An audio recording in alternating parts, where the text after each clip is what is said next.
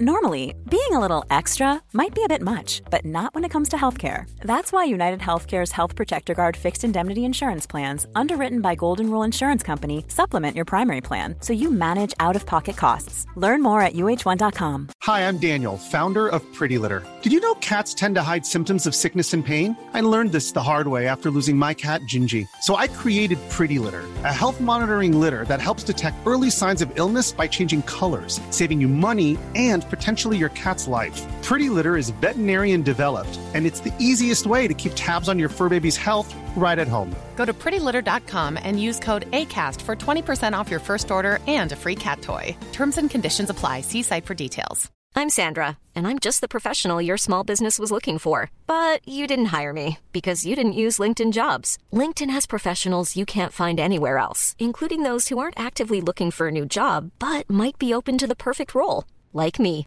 In a given month, over 70% of LinkedIn users don't visit other leading job sites. So if you're not looking on LinkedIn, you'll miss out on great candidates like Sandra.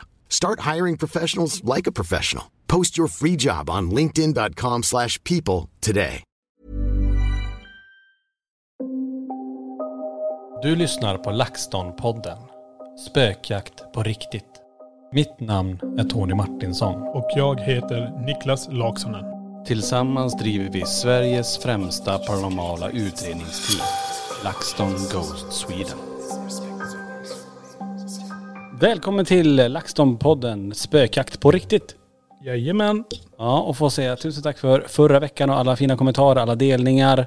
Ja, riktigt, riktigt kul att läsa mm, vad ni tycker om den här podden. Och vi har tagit upp en del intressanta ämnen. Ja, definitivt. Ja, och vi kommer fortsätta ta upp väldigt intressanta ämnen. Och podda på väldigt speciella ställen. Det är med. Vi kan ju säga var vi är ikväll. Vi är på ett hemsökt hostel. Och här kommer vi också utreda ikväll. Jajamän. Så det blir spännande att se vad som händer. Vi ska faktiskt sova över här också. Vi har fått tre rum och i alla rum har det hänt någonting så det här kommer bli riktigt intressant. Så vi kommer sova med en eh, kamera var i varje rum.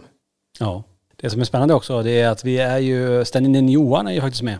Jajamän. Så han ska vara med och få också spendera en ja, hel natt i ett rum tillsammans med en kamera. Det kan bli intressant att se vad som eh, händer. Och som sagt, eh, ägaren har ju valt ut de tre mest aktiva rummen. Ja, nej, det, vi, får så, vi får se om vi får någon sömn överhuvudtaget. Ja. Men vi har olika saker som händer med rummen. Eh, det rummet jag har, eh, där hade ju de när de var små eh, lekt kurragömma, gömt sig under sängen. Mm. Och så hade de då sett två fötter som kommer ner. De såg hälarna bara. Ja, de låg under sängen och så Ja. såg de två vuxenfötter typ stå på sidan av sängen. Precis, och, eh, men ingenting annat. Bara de fötterna. Mm. Så det är det rum jag ska ha. Du har rum, Eh, som heter Alice heter det rummet och det är ju ett rum där de hör väldigt mycket på natten att det är folk som går på ett loft ovanför rummet. Men saken är att det finns inget loft till det här rummet. nej det kanske har funnits det tidigare, eller? vad? Kanske. Ja, det är, ju Det är, ombyggt. det är ju snedtak där inne nu så. Ja. Jag tror vi är i ett eh, grisstall från början. Jävlar. Ja. Som är ombyggt nu då. ja. Och eh, stackars Johan då, han får sova i det rummet där eh, hon vaknar upp som vi pratar om här då, att det är någon som sitter på hennes kropp, alltså på bröstet. Mm. Och hon får ju fullständig panik. Nej precis, hon visste inte om det här var sömnapné eller inte. Eller vad sa hon? Nej, inte apné. Sömnparalys. Apné. Sömnapné, sömnapné är ju en helt annan sak. annat. Det är något annat. Det var en sömnparalys kanske. Det är så här, vi sitter och poddar nu. Vi har hållit på att jobba sedan klockan sju och klockan är nu fem. Vi har snart jobbat i tolv timmar. Ja. Jag börjar bli lite dåsig i huvudet men eh, snart börjar vi utreda. Då håller vi på. ja. 12 timmar till då. Ja. Nej men eh, hon hade väl för mig att hon såg den här skepnaden också. Så hon sa nog att det inte var sömnapné, alltså sömnparalys. Nej. Nej, så att eh, vi är, som sagt, det är ett väldigt speciellt ställe och det ska bli så intressant att se vad som händer ikväll och i natt när vi kör. Mm.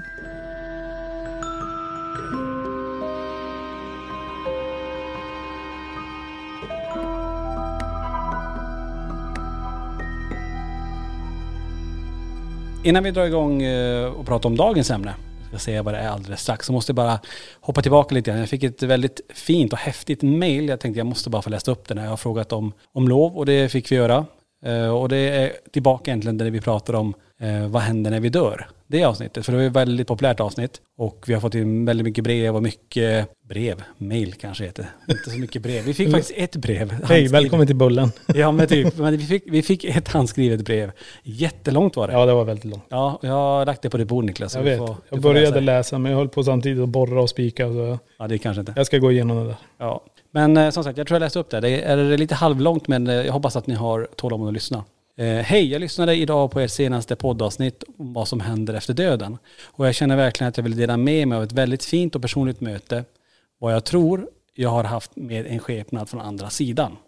För att ni ska förstå närmare varför jag tror att katten, som det hela kommer att handla om, var nära mig, behövde ni veta lite min bakgrundshistoria. Min pappa var 51 år gammal när jag kom till världen.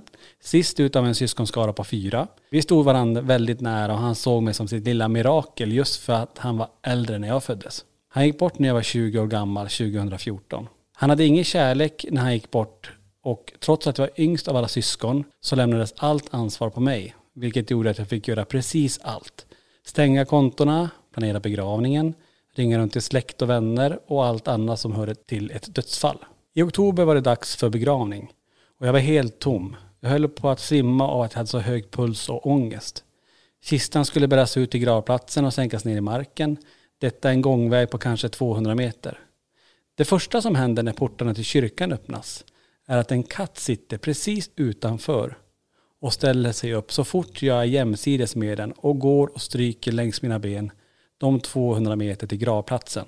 När vi kommer fram och står i en cirkel runt hålet så sätter sig katten bredvid mig. Alla ber mig gå fram först för att lägga ner blommor. Men jag var helt förstörd så stegen dit kändes så tunga att jag bara stod still. De mjauar katten högt och jag kollar ner på den och den kollar på mig. Ställer sig upp och går fram till hålet. Kollar på mig ännu en gång för att sedan vända huvudet och kolla ner i hålet för att mjaua. Och sedan stod den kvar och väntade på mig. Jag gick fram och la ner min ros och gick sedan tillbaka med katten nära intill. Ingen som var förstod någonting och alla var helt förstummade över vad som just hände. Prästen frågade mig om jag, om jag hade tagit med mig katten. Varpå jag säger att jag är livrädd för katter egentligen. Och att jag aldrig har sett den innan. Vilket han inte heller hade gjort. För hon tog för givet att den här katten bodde på kyrkogården. Man kan tro att det stannar här, men det gör det inte. Under sex månader var jag på graven precis varje dag. Ibland flera gånger om dagen och varenda gång jag var där så möttes jag av katten när jag körde in på parkeringen. Den följde mig sedan till graven och var med mig där hela tiden och sprang iväg när jag började gå ner till min bil. Efter sex månader försvann den och sedan dess har jag aldrig sett den igen. Man kan tro vad man vill om detta, men jag är 100% säker på att det var min pappa som visade sig i en kattskepnad. Det var jäkla häftigt. Det var riktigt galet coolt. Om man tänker ändå, alltså hela det här med hur, den, hur hon hade svårt att lägga ner rosen till att katten faktiskt visar henne och står jämte henne. Och att katten är där och möter upp henne under sex månaders tid varje dag. Ja, det är helt sjukt. Det är ju helt otroligt egentligen. Ja. Jag tänkte jag var tvungen att dela med mig av den för jag tyckte det var så, så himla häftigt. ja. Nej, det var riktigt fint. Jag vill tacka den person som skickade in det. Verkligen. Eh, Tack för att de öppnar sig. Men det är så här det är. Vi får så mycket saker om folk som upplever. Och även när vi träffar folk så berättar de mycket saker. Och en del berättar fina historier. Men så finns det ju de här skräckexemplen. Vad är det värsta man har upplevt egentligen? Alltså vi har ju våra grejer. Men det är mycket folk som har berättat deras hemska grejer. Ja. Så jag tänkte säga Tony, vad är det värsta du har varit med om? När det gäller paranormalt, när vi har varit iväg eller om du har varit själv kanske hemma, jag vet inte. ja, för du är inne på dagens lilla ämne, poddämne egentligen. Precis. Vad, för det är en av de mest, de frågorna vi får allra mest. Vad är det värsta ni har varit med om? Och eh, jag tycker det är jättesvårt att välja ut en sak egentligen. För man har varit med om så himla mycket. Alltså olika saker är olika obehagligt vad jag ska säga. Men jag tror så här, om du tänker efter. Det, när det var obehagligt, det var när vi inte förstod det. Mm. Förstår du? Det var, det var, en, det var den första, när vi första gången stötte på det här. Och det, det var inte igår, utan det här är ju redan 88, 89 där. Mm. Redan där var det obehagligt. Mm. Sen när man börjar förstå det här, sen stöter du på en helt annan sak som är obehaglig. Du, du, du bara tar typ stegen i vandrarhemmet när de springer. Mm. När man inte kan förklara de stegen. Eller när man blir riven i nacken. Man blir påverkad av massa saker. Det är det, det jag tänkte, det är det som gör också att man går igenom olika faser tror jag. Men man ska ta, man kommer ju alltid ihåg det som ligger kanske, kanske närmast till hands, om man nu bara ska ta ett här nu från luften, man ska tänka så. Så får jag säga att den gången vi gjorde en utredning var för sig, där du var i vandrarhemmet och jag var i, i prästgården. Och snarare att, okej okay, jag hörde lite ljud att det var någonting som gick på övervåningen när jag var nere i, på bottenvåningen. Men känslan att vara själv där var mer påtaglig än att det kanske hände speciellt. Alltså det var mer en själv som kände att det var väldigt, väldigt obehagligt. Ja, jag förstår. Jag satt ju ändå uppe i vandrarhemmet. Ja, och du hade väl typ liknande, om inte kanske värre upplevelser där? Ja, men det är det. När man sitter där och man kör det här. Och det här var innan vi hade hört stegen tror jag. Mm. För hade jag hört om den stegen där, då hade jag nog fan gått ut. Ja det är ju så, vandrarhemmet, du sover ju inte, eller vi, ingen av oss sover där själv. Nej, det har vi bestämt. Ja, vi vistas inte, alltså på dagtid och sådär, men vi vistas inte gärna själv i huset heller. Nej, nej precis. Vi har upplevt så jävla mycket det som påverkar en. Och vi vet faktiskt inte vad det här är kapabelt till att få oss att göra. Mm. Kan det få oss att eh, knalla ut i skogen när det är minusgrader och bara vandra, vandra? Mm. Ingen aning. Kan det få en att bläcka ut helt och ramla ner för den här trappen? Det är så mycket som har hänt i det här huset så, nej jag vet inte. Men det är som, vad ska man säga, när vi, när vi hör de här, det, jag, jag tänker på den, den mest obehagliga nu på senaste, det är faktiskt de här stegen i vandrarhemmet tycker jag. För de som inte har hört det här med stegen, ska, vi ta, ska du berätta det från mm. början då? Det är jag och fyra stycken deltagare som är uppe i vandrarhemmet. Vi står nu på övervåningen. Vi har garderoben framför oss. Och i den här korridoren så finns det ett litet alkov om man säger så, ett litet snett eh, tak och så fönster. Och då blir det som ett litet sittbänk. Och där ställer jag en PMB som jag tänkte, den har vi i, slår igång när vi har gått in i ett annat rum. För att eh, då kan den indikera om det är någonting som rör sig i, i den här långa korridoren. Så vi går in i det här rummet. Eh, jag håller uppe dörren, ska sträcka mig och eh, starta den här PMBn. Precis när jag får tag i den här knappen man ska slå igång den så är det något som springer mot mig från den här garderoben i mörkret. Och det är sådana steg som gör att det smäller alltså bam, bam, bam. Det gör att jag slänger mig bakåt, snubblar på tröskeln och landar på golvet framför de här deltagarna. Jag har aldrig hört dem innan. Jag förstod inte vad det var. För mig, i mitt huvud, så slog logiken till att det är en person som har gömt sig som ska göra mig illa. Förstår du vad jag tänker? Mm. Och det här gör ju också att jag ligger halvt på golvet sittandes. Försöker tända min pannlampa som jag hade, en liten, liten lampa för att få lite ljus. Och eh, deltagarna tittar ner på mig, de står med sina K2-mätare och frågar vad, är det som händer. Så frågar jag, hörde ni de här stegen? De bara ja. Vad var det för någonting? Jag bara, det var något som sprang från garderoben mot oss. Garderoben är fortfarande stängd. Jag har aldrig slagit igång PNB men det är typ det värsta hittills jag varit med om. Mm. Jag tänker ändå, fast man vet om, det är ganska häftigt hur man funkar. Trots att man vet att man är själv och, att, och så hör man de här stegen som kommer springande. Så att det första man tänker på det är en fysisk person. Det här är inte någon någon ande eller spöke eller energi, vad man nu, ever vad du vill kalla det, utan det är någonting som kommer av fysiskt, att det är en person. Det är det första som man... Ja, ja, ja. För jag vet att du kom ju ner och berättade om de här stegen och det var ju en bra, tänkte jag, så här, var, fasen var spännande att få uppleva något sånt där. För du var ju väldigt uppe i varv där, bara, det här var ju skithäftigt. Ja, precis. Men det blev inte inspelat.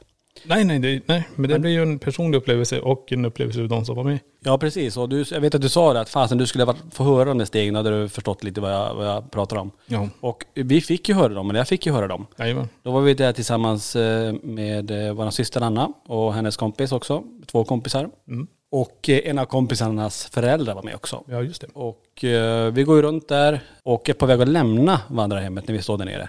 Ja, precis. Då håller på att säga, okej, tack så mycket för att ni visade det lilla. De gav inte mycket då. Nej. Bara ett obehag, det var tryckande känsla på övervåningen, det var svårt att röra sig. Mm. Men just det som kom igenom precis när jag skulle ta i handtaget och gå ut ifrån vandrarhemmet. Då man fick höra de här stegen som du pratade om. För det var verkligen så här bam, bam, bam. De sprang där uppe. Mm. Så vi sprang båda två upp för trappen i tro, återigen att det är någon som har nyckeln hit. Ja. Men vi vet ju också, det, alltså det är en andra, du kommer inte upp till andra våningen om du inte alltså går via trappen. Nej, precis. Eh, och där uppe går som inte gömma sig något så här, så det är så stort är det ju inte. Eh, och det sista vi ser, det lilla vi ser, det är att den garderobsdörren, att den rör sig lite grann. Ja. Så att vad det var, det vet vi ju inte. Och vi, det är så många, det är det vi håller på med där, att försöka ta reda på vem och, och varför rör sig den här personen där inne och varför är den också ganska aggressiv i sin nej, precis. energi. Nej, nej precis. Och, alltså, lyssnar på de här stegen, om du ska ta stegen så låter det som att det är en person som springer för sitt liv. Ja. Det är ungefär så. Och den här hallen är 3,5 meter lång och då gör den på tre steg. Ja. Det betyder att den här personen redan är uppe i, i hastighet egentligen. Den mm. har redan sprungit, nu är den i full galopp, eller vad säga. Men, eh, och det som är, också intressant är att vi har försökt återskapa det. Vi har försökt med binddrag, vi har försökt med brädor som hoppar och stå och hoppa där uppe och gå, alltså allting. Men vi kan inte återskapa det. Hur många gånger har vi försökt med olika saker? Nej, precis. Och det, alltså vandrarhemmet fortsätter inte att överraska. Alla som är där nu, man får med olika upplevelser och folk skriver ner i gästboken som jag läste sist jag var där också. Det är ju ganska blandade saker som händer där. Mycket kanske är kopplat till det, det som många upplever, att det är samma typer av upplevelser. Men det som är häftigt att sist vi var uppe där så höll vi på att kika i garderoberna, så man har inte hunnit gå igenom allt på det sättet. Nej, just Men det som är intressant är att vi hittar ju en bibel som är daterad i slutet på 1800-talet. Ingömd i ett av sovrummens skåp och vägg så att säga. Ja. Helt omöjligt att, att hitta egentligen på så sätt att man, man, man ser inte den. Men jag vet inte, jag stoppade den i handen bara för att det låg några glödlampor där och så stötte jag mot fingertopparna mot någonting. Så vad fasen är den här? Och så var den gömd där inne. En bibel. Och då är vi återigen här där vi har den teorin som vi är lite inne på att eh, de här, alltså vandrarhemmet och prästgården hänger ihop. Ändå. Det, det, det vet vi om, för det var ju en tjänstebostad till, vad var det? Jag vet inte. Hörde du det? Eller så någon nös eller snös. Kan ha varit Johan. Det lät som det var inne i rummet här. Rst, lät som. Ja, ja. Ja, jag vet inte. Spännande. Ja, men när man pratar om Borgvattnet, men eh, att de här, vad var jag, de här, att de här hänger ändå ihop och det är ju spännande. Och, eh, men just den här kopplingen där man tror att prästerna kom upp till vandrarhemmet och kanske inte alltid var så snäll med de som bodde där. Och här finns också en bibel. Har det någonting med den här bibeln att göra att det är som det är? Och jag kan säga att den här bibeln är inte kvar i vandrarhemmet längre. Nej, såklart så tar ju du bort den. Det var ett slags beskydd. Kanske var ett beskydd men den kommer att ge alltså en jättefin plats i vårt hemsökta museum som Ja. vi kommer att öppna upp nu.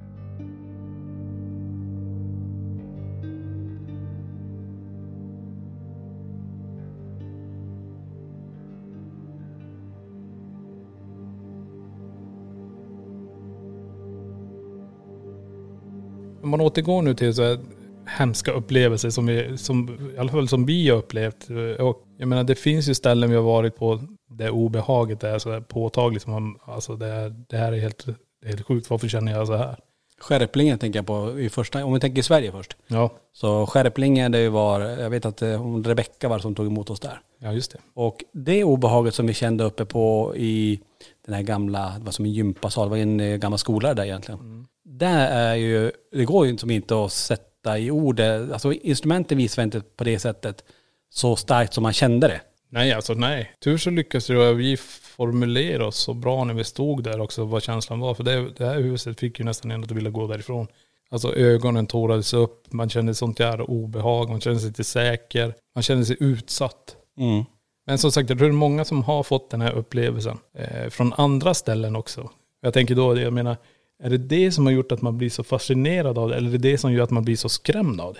Eh, jag vet inte hur man hade reagerat om inte vi hade haft den uppväxten som vi har haft med det, det övernaturliga runt omkring oss. Om det är en sån känsla var det första du får. Hur hade man då sett på det här? Ja, vissa hade ju kunnat, jag tror att det är delat där faktiskt. Vissa hade blivit fullt livrädda och aldrig mer velat höra talas om någonting, eller se någonting eller känna någonting. Andra, som det var för oss, triggade igång någonting. Som gjorde att, man, att intresset bara blev större och större och att man tyckte det här var fascinerande och man vill veta mer. Så jag tror att det blir lite tvådelat och det märker man ju ibland personer vi träffar också. Att jag var med om den här grejen och jag, nej, jag vill aldrig mer vara med om något sånt här. Nej. För det var så obehagligt, det har satt sådana spår ändå. Och det får man respektera, så är det ju. Men det är ju samma nu, det här stället vi ska utreda här ikväll. De som bor här vet ju de vet inte vad de ska göra om vi hittar någonting. De har ju upplevt saker, livrädd för att vi ska hitta någonting, men sen är de livrädda att vi inte ska hitta någonting. Ja. Du har ju redan blivit dragen i, i jackan. Det var ju jättetydligt ändå när jag gick. ehm, Vi gick bara igenom och vart skulle ha våra övervakningskameror. ja, och det är typiskt i den här situationen så här, man önskar man hade en kamera bakom mig. Men här är det när vi går runt och bara, okej var ska vi sätta våra kameror så vi vet hur långt vi ska dra kablaget och så vi får bästa vinklar så vi täcker så mycket som möjligt. Och då händer en sån här grej. Det är lite typiskt, men, men så är det. Det blir ändå en personlig stark upplevelse för mig. Jag tyckte det var men väldigt, väldigt märkligt. För det var precis som att någon tog tag i jackan och stannade upp mig. Och också att det sker precis vid det här stallbåset där hästarna inte kan vara. Det är också sammanträffande eller inte, men det är intressant att det händer just där. Mm, ja, absolut. Men det får man säga också så här, många som, när vi åker till ställen och utreder, så du nämnde en farhåga var, ja men tänk om jag dragit hit er i onödan nu och ni inte hittar någonting. Och, och jag har sagt, så kanske det är. Och för oss spelar det faktiskt ingen roll, utan vi är här bara för att dokumentera och se om någonting lyckas hända just den här dagen. För vi är bara här en dag av alla 365 dagar.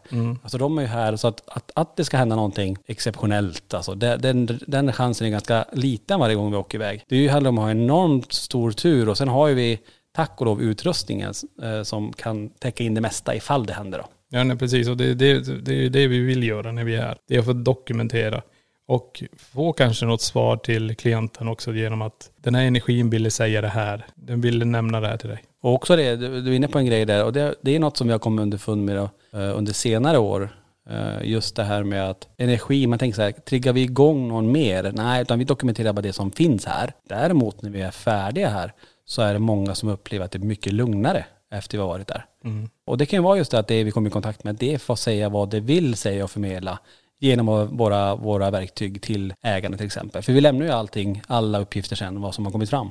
Ja, det är precis. Nej, så jag tror, de har ju upplevt saker här, det är därför vi är här. Eh, och eh, vi ska försöka dokumentera de här grejerna. Och eh, vi kanske hittar logiska grejer som gör att hästarna blir rädda där inne. Det kan ju vara någonting sånt. Men vi vet inte. Nej, just nu vet vi det, alltså när det gäller just eh, hästarna och stallet där, att eh, det, vi, det vi kan eh, säga i alla fall, det är att det finns inga EMF, alltså elektromagnetiska fält, som stör hästarna i de här båsen. Inte, vi såg ju belysningarna och sånt här, att det indikerar på att det var höga EMF.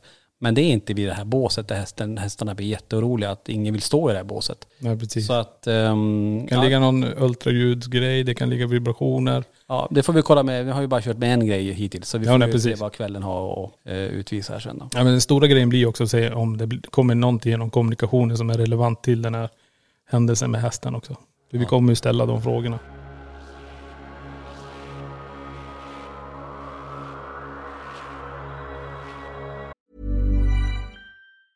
When you're ready to pop the question, the last thing you want to do is second guess the ring.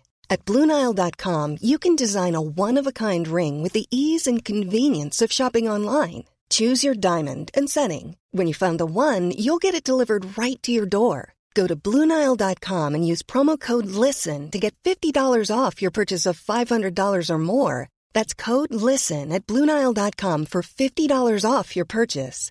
Bluenile.com code LISTEN. Mom deserves the best, and there's no better place to shop for Mother's Day than Whole Foods Market. They're your destination for unbeatable savings, from premium gifts to show-stopping flowers and irresistible desserts. Start by saving 33% with Prime on all body care and candles. Then get a 15-stem bunch of tulips for just $9.99 each with Prime. Round out Mom's menu with festive rosé, irresistible berry chantilly cake, and more special treats. Come celebrate Mother's Day at Whole Foods Market.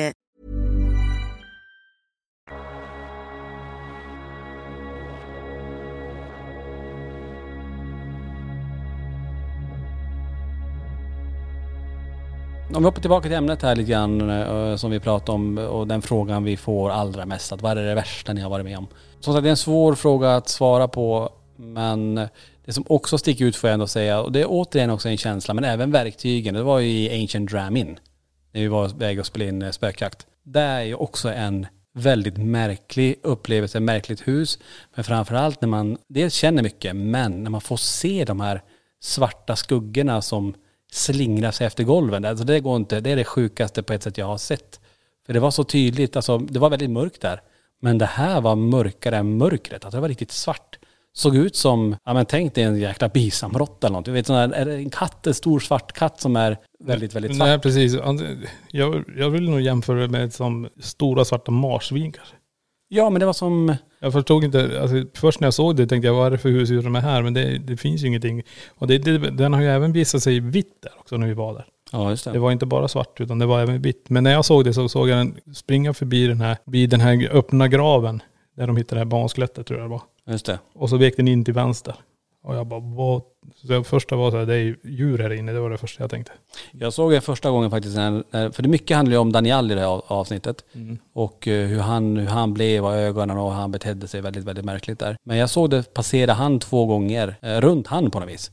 Första gången jag såg det. Eh, och jag såg också i den här bardelen där. Också vid den där graven kan man säga att det var. Eh, Men det är också, det var ju, det är också ett, ett obehagligt hus. eh, Men som kanske inte ger det ultimata beviset, alltså det som man ändå söker på något vis.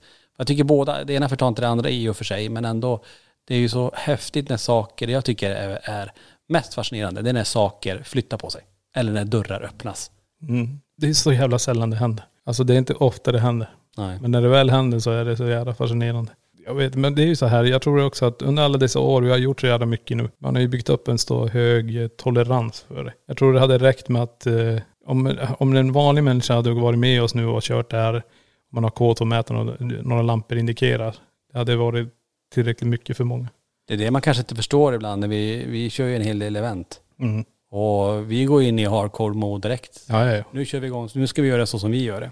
Och tack och lov är ju, de flesta är ju inte själv. De är, har ju med sig någon kompis eller sin man eller sin fru och sådär. Men just det att de, det händer någonting i dem. Man märker det när, och som du säger, det räcker med att K2-mätaren blinkar till en gång. Ja, precis. Att man blir exalterad. Bara, nu, nu händer någonting sådär. Nej men det, jag menar, vi har haft folk som har varit med på event flera gånger och de, är, de har ju blivit ganska hardcore också. Ja.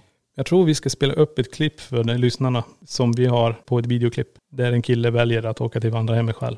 Ja men det kan vi göra. Vi, vi kommer lägga in det här så ska ni få höra det. Då det är det som är så jävla häftigt. Det här är ljudet från hans filminspelning. För han sa att jag vill åka upp till vandrarhemmet och vara där själv. Jag vill testa att göra det. Så vi kör upp han, eller du kör upp han. Jag stannar kvar med gänget där nere. Hjälper han att slå igång kameran för han visste inte hur den funkade. Låser upp till han till vandrarhemmet. Lämnar han i hallen precis.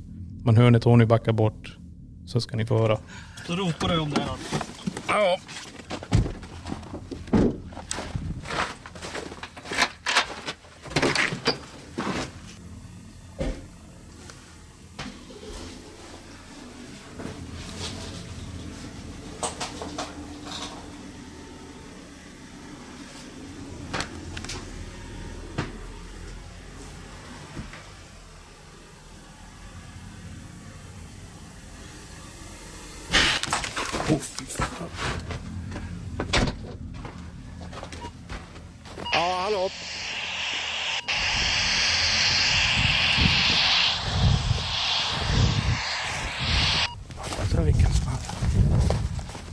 Ja, ni hörde ju där. Det där var ju ganska intressant ändå. Och ja, jag kan säga så. Han var ganska skärrad när han kom tillbaka. Ja, herregud.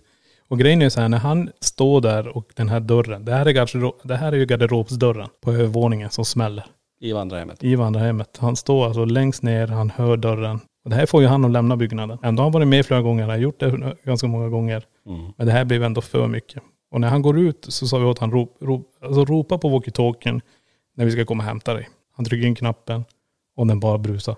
Mm. De här har aldrig brusat. De har aldrig gjort något sånt här. Han får inte ens kontakt med oss. Han får ju gå i 20 centimeters nysnö hela vägen ner i gympadojor. Och När han kommer ner då är vi bara wow, du skulle ju ropa på oss. Han bara jag har försökt, jag har försökt. Så här ser man också vad vandrarhemmet kan göra. Det är helt otroligt. Ja, och det var inte länge han fick vara där inne. Alltså vi pratar kanske max knappt en minut som han fick stå där själv. Mm. Eh, innan huset, för nu säger jag huset, sa åt han att han lämna. Ja. Eh, eller i alla fall han själv kände det, att nej, här vill jag inte ha kvar. Nej men det här är ju också ett jävla tur. För när han sa jag vill åka upp till vandrarhemmet själv, då sa jag ja, men då måste du ta med en kamera. Om det händer något, vill jag att du ska ha det dokumenterat. Och så tur har han ju det. Annars hade vi inte fattat någonting. Vi hade ju fattat att han hade blivit rädd att något small. Men vi hade aldrig kunnat härleda det till att det här är garderoben. För vi hör det så distinkt på det här ljudet. Ding. Ja. Att det är det här låset på garderobsdörren.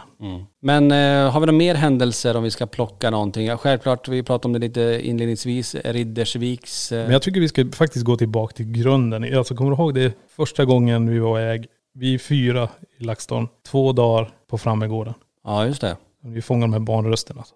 Jesus Christ. Men det är, så, det, det är ju så här, det var en lite speciell utredning för det, det hittade vi ju inte där. Det var ju inte under själva utredningen egentligen utan det var ju när vi kom hem och började lyssna och analysera materialet och vi såg två stycken, ja, men lite så här ljudpikar att ja, men här har det hänt någonting på mikrofonen när vi inte var där. Och lyssna igenom och börja förstärka och se okej vad är det som kommer igenom när vi får de här barnrösterna med jag lovar, förlåt och sen blir det helt tyst.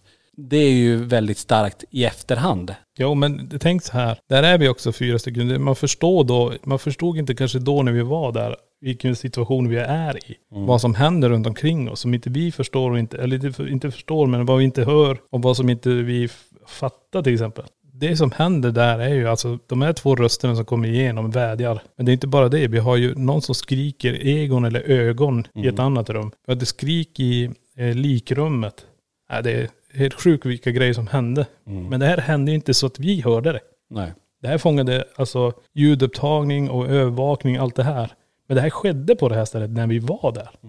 Men vi, vi upplevde inte det. Ja, och det är det som är svårigheten med det vi gör också, att det är ju inte alltid när vi är på plats att man hör allting. Det märker vi ibland på våra utredningar, att vi får massa svar inom spiritboxen som vi inte direkt hör. Och där tittarna ibland, men varför fortsätter ni inte? Den sa ju det här, att den, varför fortsätter inte fråga kring det? Men det är att vi hör inte det förrän vi kommer hem och då är det ju lite för sent. Nej, precis. Så att, um, nej men Frammegården är ju, det var speciellt med de här barnrösterna. Men som sagt, det skedde ju precis efter, eller när vi började analysera materialet. Ja, det var det, det jag menade, att man eh, tänker man tillbaka också vilken situation man var i. Ja, ja. Det är helt otroligt. Allt det hände runt omkring. Varför märkte man inte av det? Nej. Förstår du? Medan du åker ut till andra hemmet i Borgvattnet så får du det så fysiskt, babam, rakt på en direkt.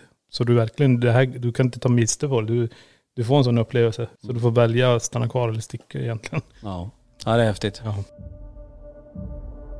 Vågar du spendera en natt i Sverige och i ett av världens mest hemsökta hus?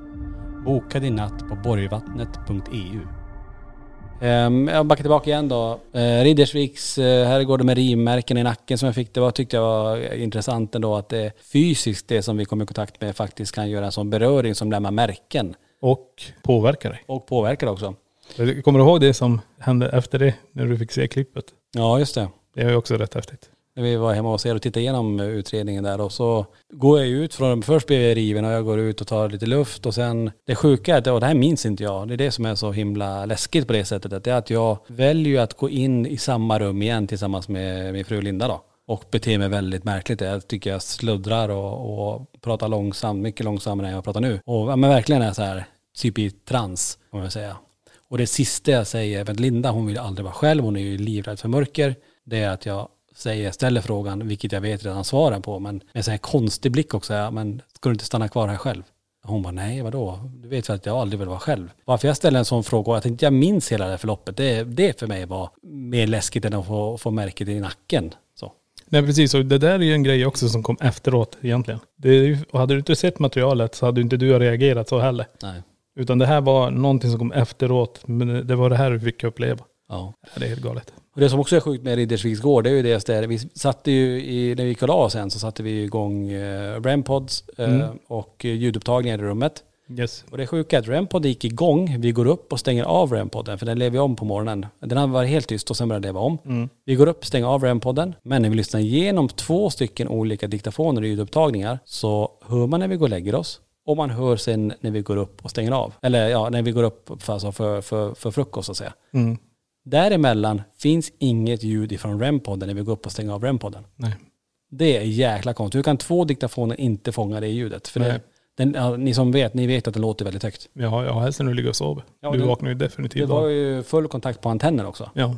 Nej, det fanns inte inspelat. Nej. Så det är många sådana här små grejer. Och sen är det saker, jag tänker så här också, man har ju upplevt saker hemma. Det blir ju lite mer påtagligt när vi faktiskt, när det är ens hem. Alltså vi köpte ju på oss massa biblar till exempel inför öppningen av eh, Borgvattnet, alltså prästgården i Borgvattnet. Mm. Och vi hade dem hemma där det började hända massa spännande saker. Att belysningen började blinka och eh, till och med barnen började känna ett obehag där biblarna var i det rummet trots att det inte sa att de fanns där just i det rummet. Så det är ju också intressant ändå. Men tänk så här också. Alla hemsökta föremål som har skickats hem till dig har ju passerat i ditt hem.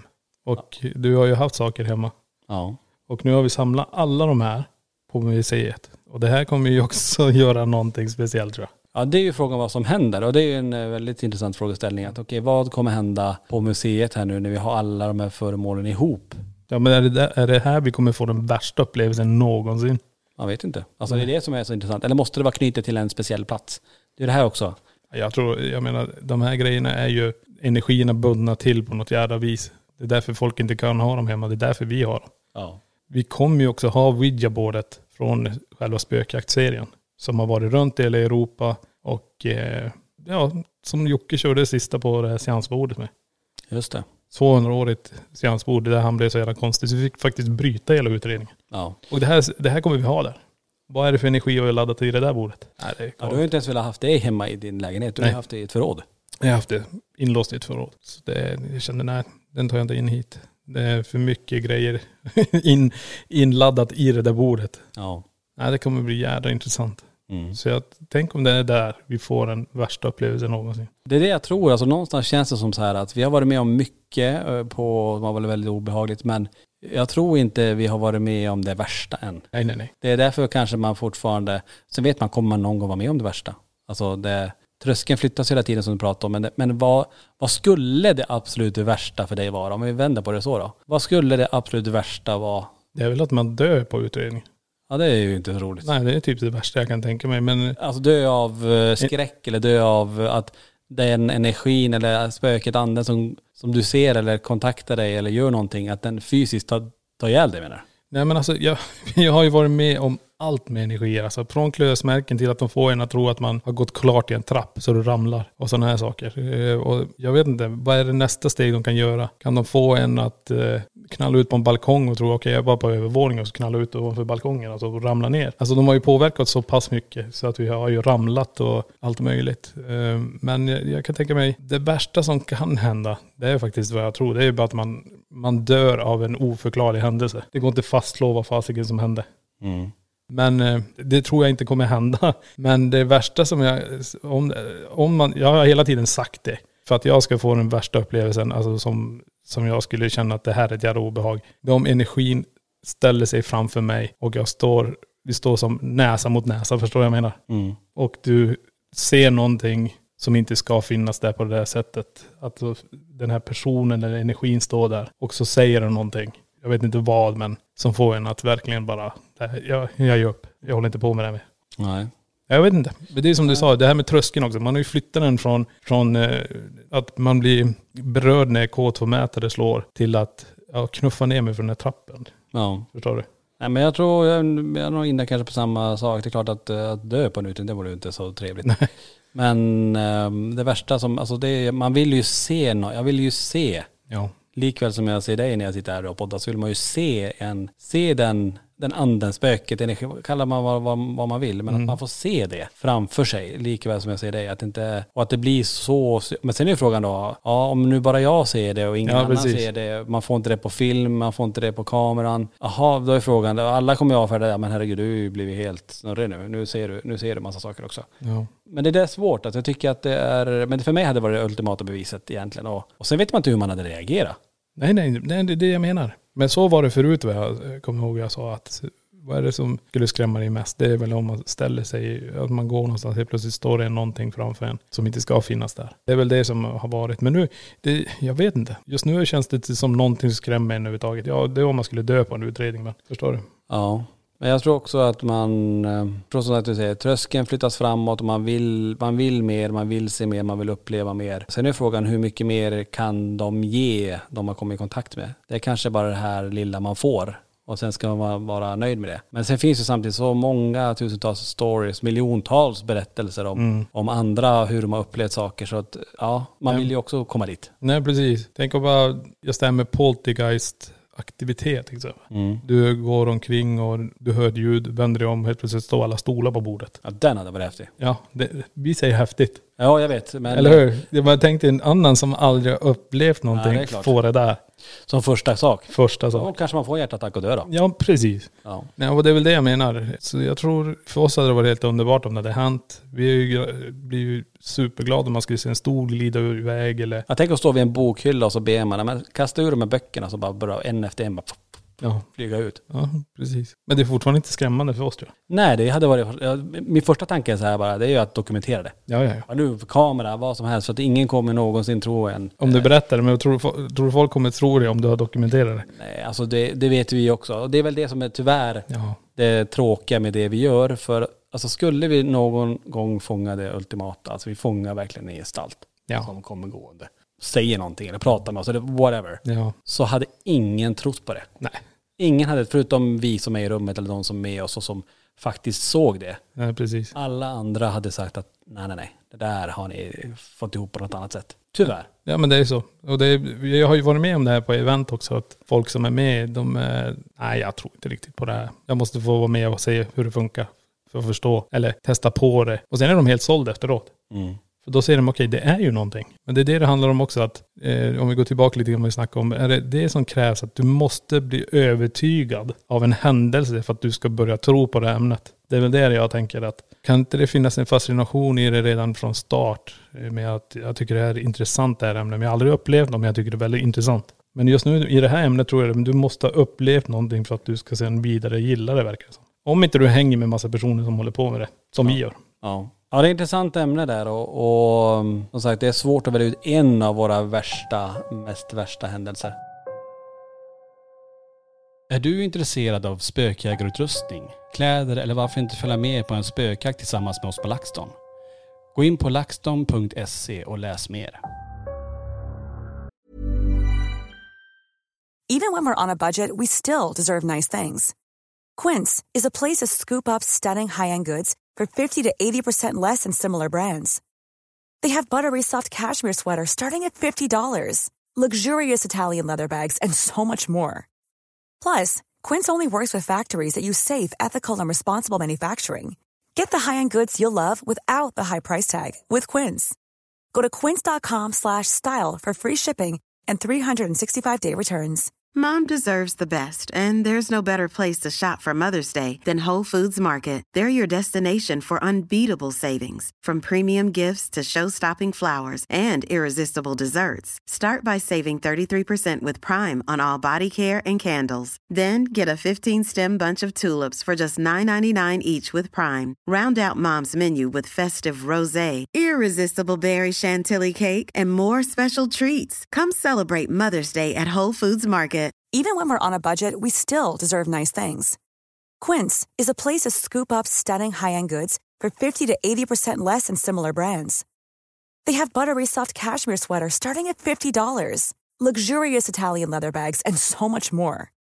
Plus, Quince only works with factories that use safe, ethical, and responsible manufacturing. Get the high-end goods you'll love without the high price tag with Quince. Go to quince.com slash style for free shipping and 365-day returns. Ja som sagt det är svårt att um, kanske välja ut en enda sak som man har upplevt som uh, är det värsta som man har upplevt. Det är så många olika på olika sätt. Men du som lyssnar kanske har en egen sån här spökhistoria eller en eh, skräckupplevelse som du vill dela med dig av. Då kan du faktiskt gå in på laxton.se och uh, gå under spökhistorier och dela med er av den, den saken jag varit med om. Jag tycker att vi ska göra det. Eftersom jag har hört det här. Om ni har en historia, gå in och skriv den där. Det är rätt intressant. Det är kul att ha. Och eh, dessutom kan vi säga att om man är mellan 9 och 15 Ja, just det. och lyssnar på det här så håller vi också på att samla in spökrapporter inför den kommande ung och barndom, ung och barndom. Barn och ungdomsboken Ja, som precis. kommer till hösten. Jajamän. Um, och där, och om du vill vara med i boken och eh, vi kommer välja ut några stycken självklart. Jajamän. Så finns det möjlighet och då kan man gå in eh, också på laxton.se och så tar man eh, och klickar in till spökrapporter och skriver in vad man har upplevt. Precis. Nej men det tycker jag ska göra. För har man en historia man vill, vill att någon ska få den. Det här måste ni få höra. Som det med katten till exempel. Den har ju varit perfekt att ha där under spökhistorier. Ja. Så gå in där och så fyll i det. Efter ni har hört, om ni har lyssnat på det här och ni känner bara, ja men jag har en, det här ska de få höra. Mm. Det är rätt intressant. Eh, härligt att sitta och podda från ett eh, annat ställe än ifrån eh, ditt vardagsrum tänkte jag säga, hemma hos, Min, hemma hos mitt dig. lilla kontor. Ditt lilla kontor ja. Ja. Ehm, Vi kan ju faktiskt säga så här, vi sitter i jättestora sköna sin- skinnsoffor. ja. De är svarta. Jag sitter så jävla skönt så jag tror jag utreder härifrån Johan. Det här var riktigt skönt. Verkligen. Nästa vecka och nästa podd, det kommer vi faktiskt spela in ifrån Sveriges första hemsökta museum. Jajamän. Och bara det kan bli intressant, för man vet ju aldrig vad som händer ja, men bakom eh, kulisserna och bakom micken här. Ehm, Det kan ju faktiskt hända någonting riktigt speciellt när vi för första gången sänder därifrån. Jajamän. Och ämnet, ja, det håller vi lite på med. Vi kommer ta upp det som sagt eh, i nästa veckas podd Spökjakt på riktigt. Tack för att du har lyssnat. Tack. Tack för att du har lyssnat på LaxTon-podden. Spökjakt på riktigt.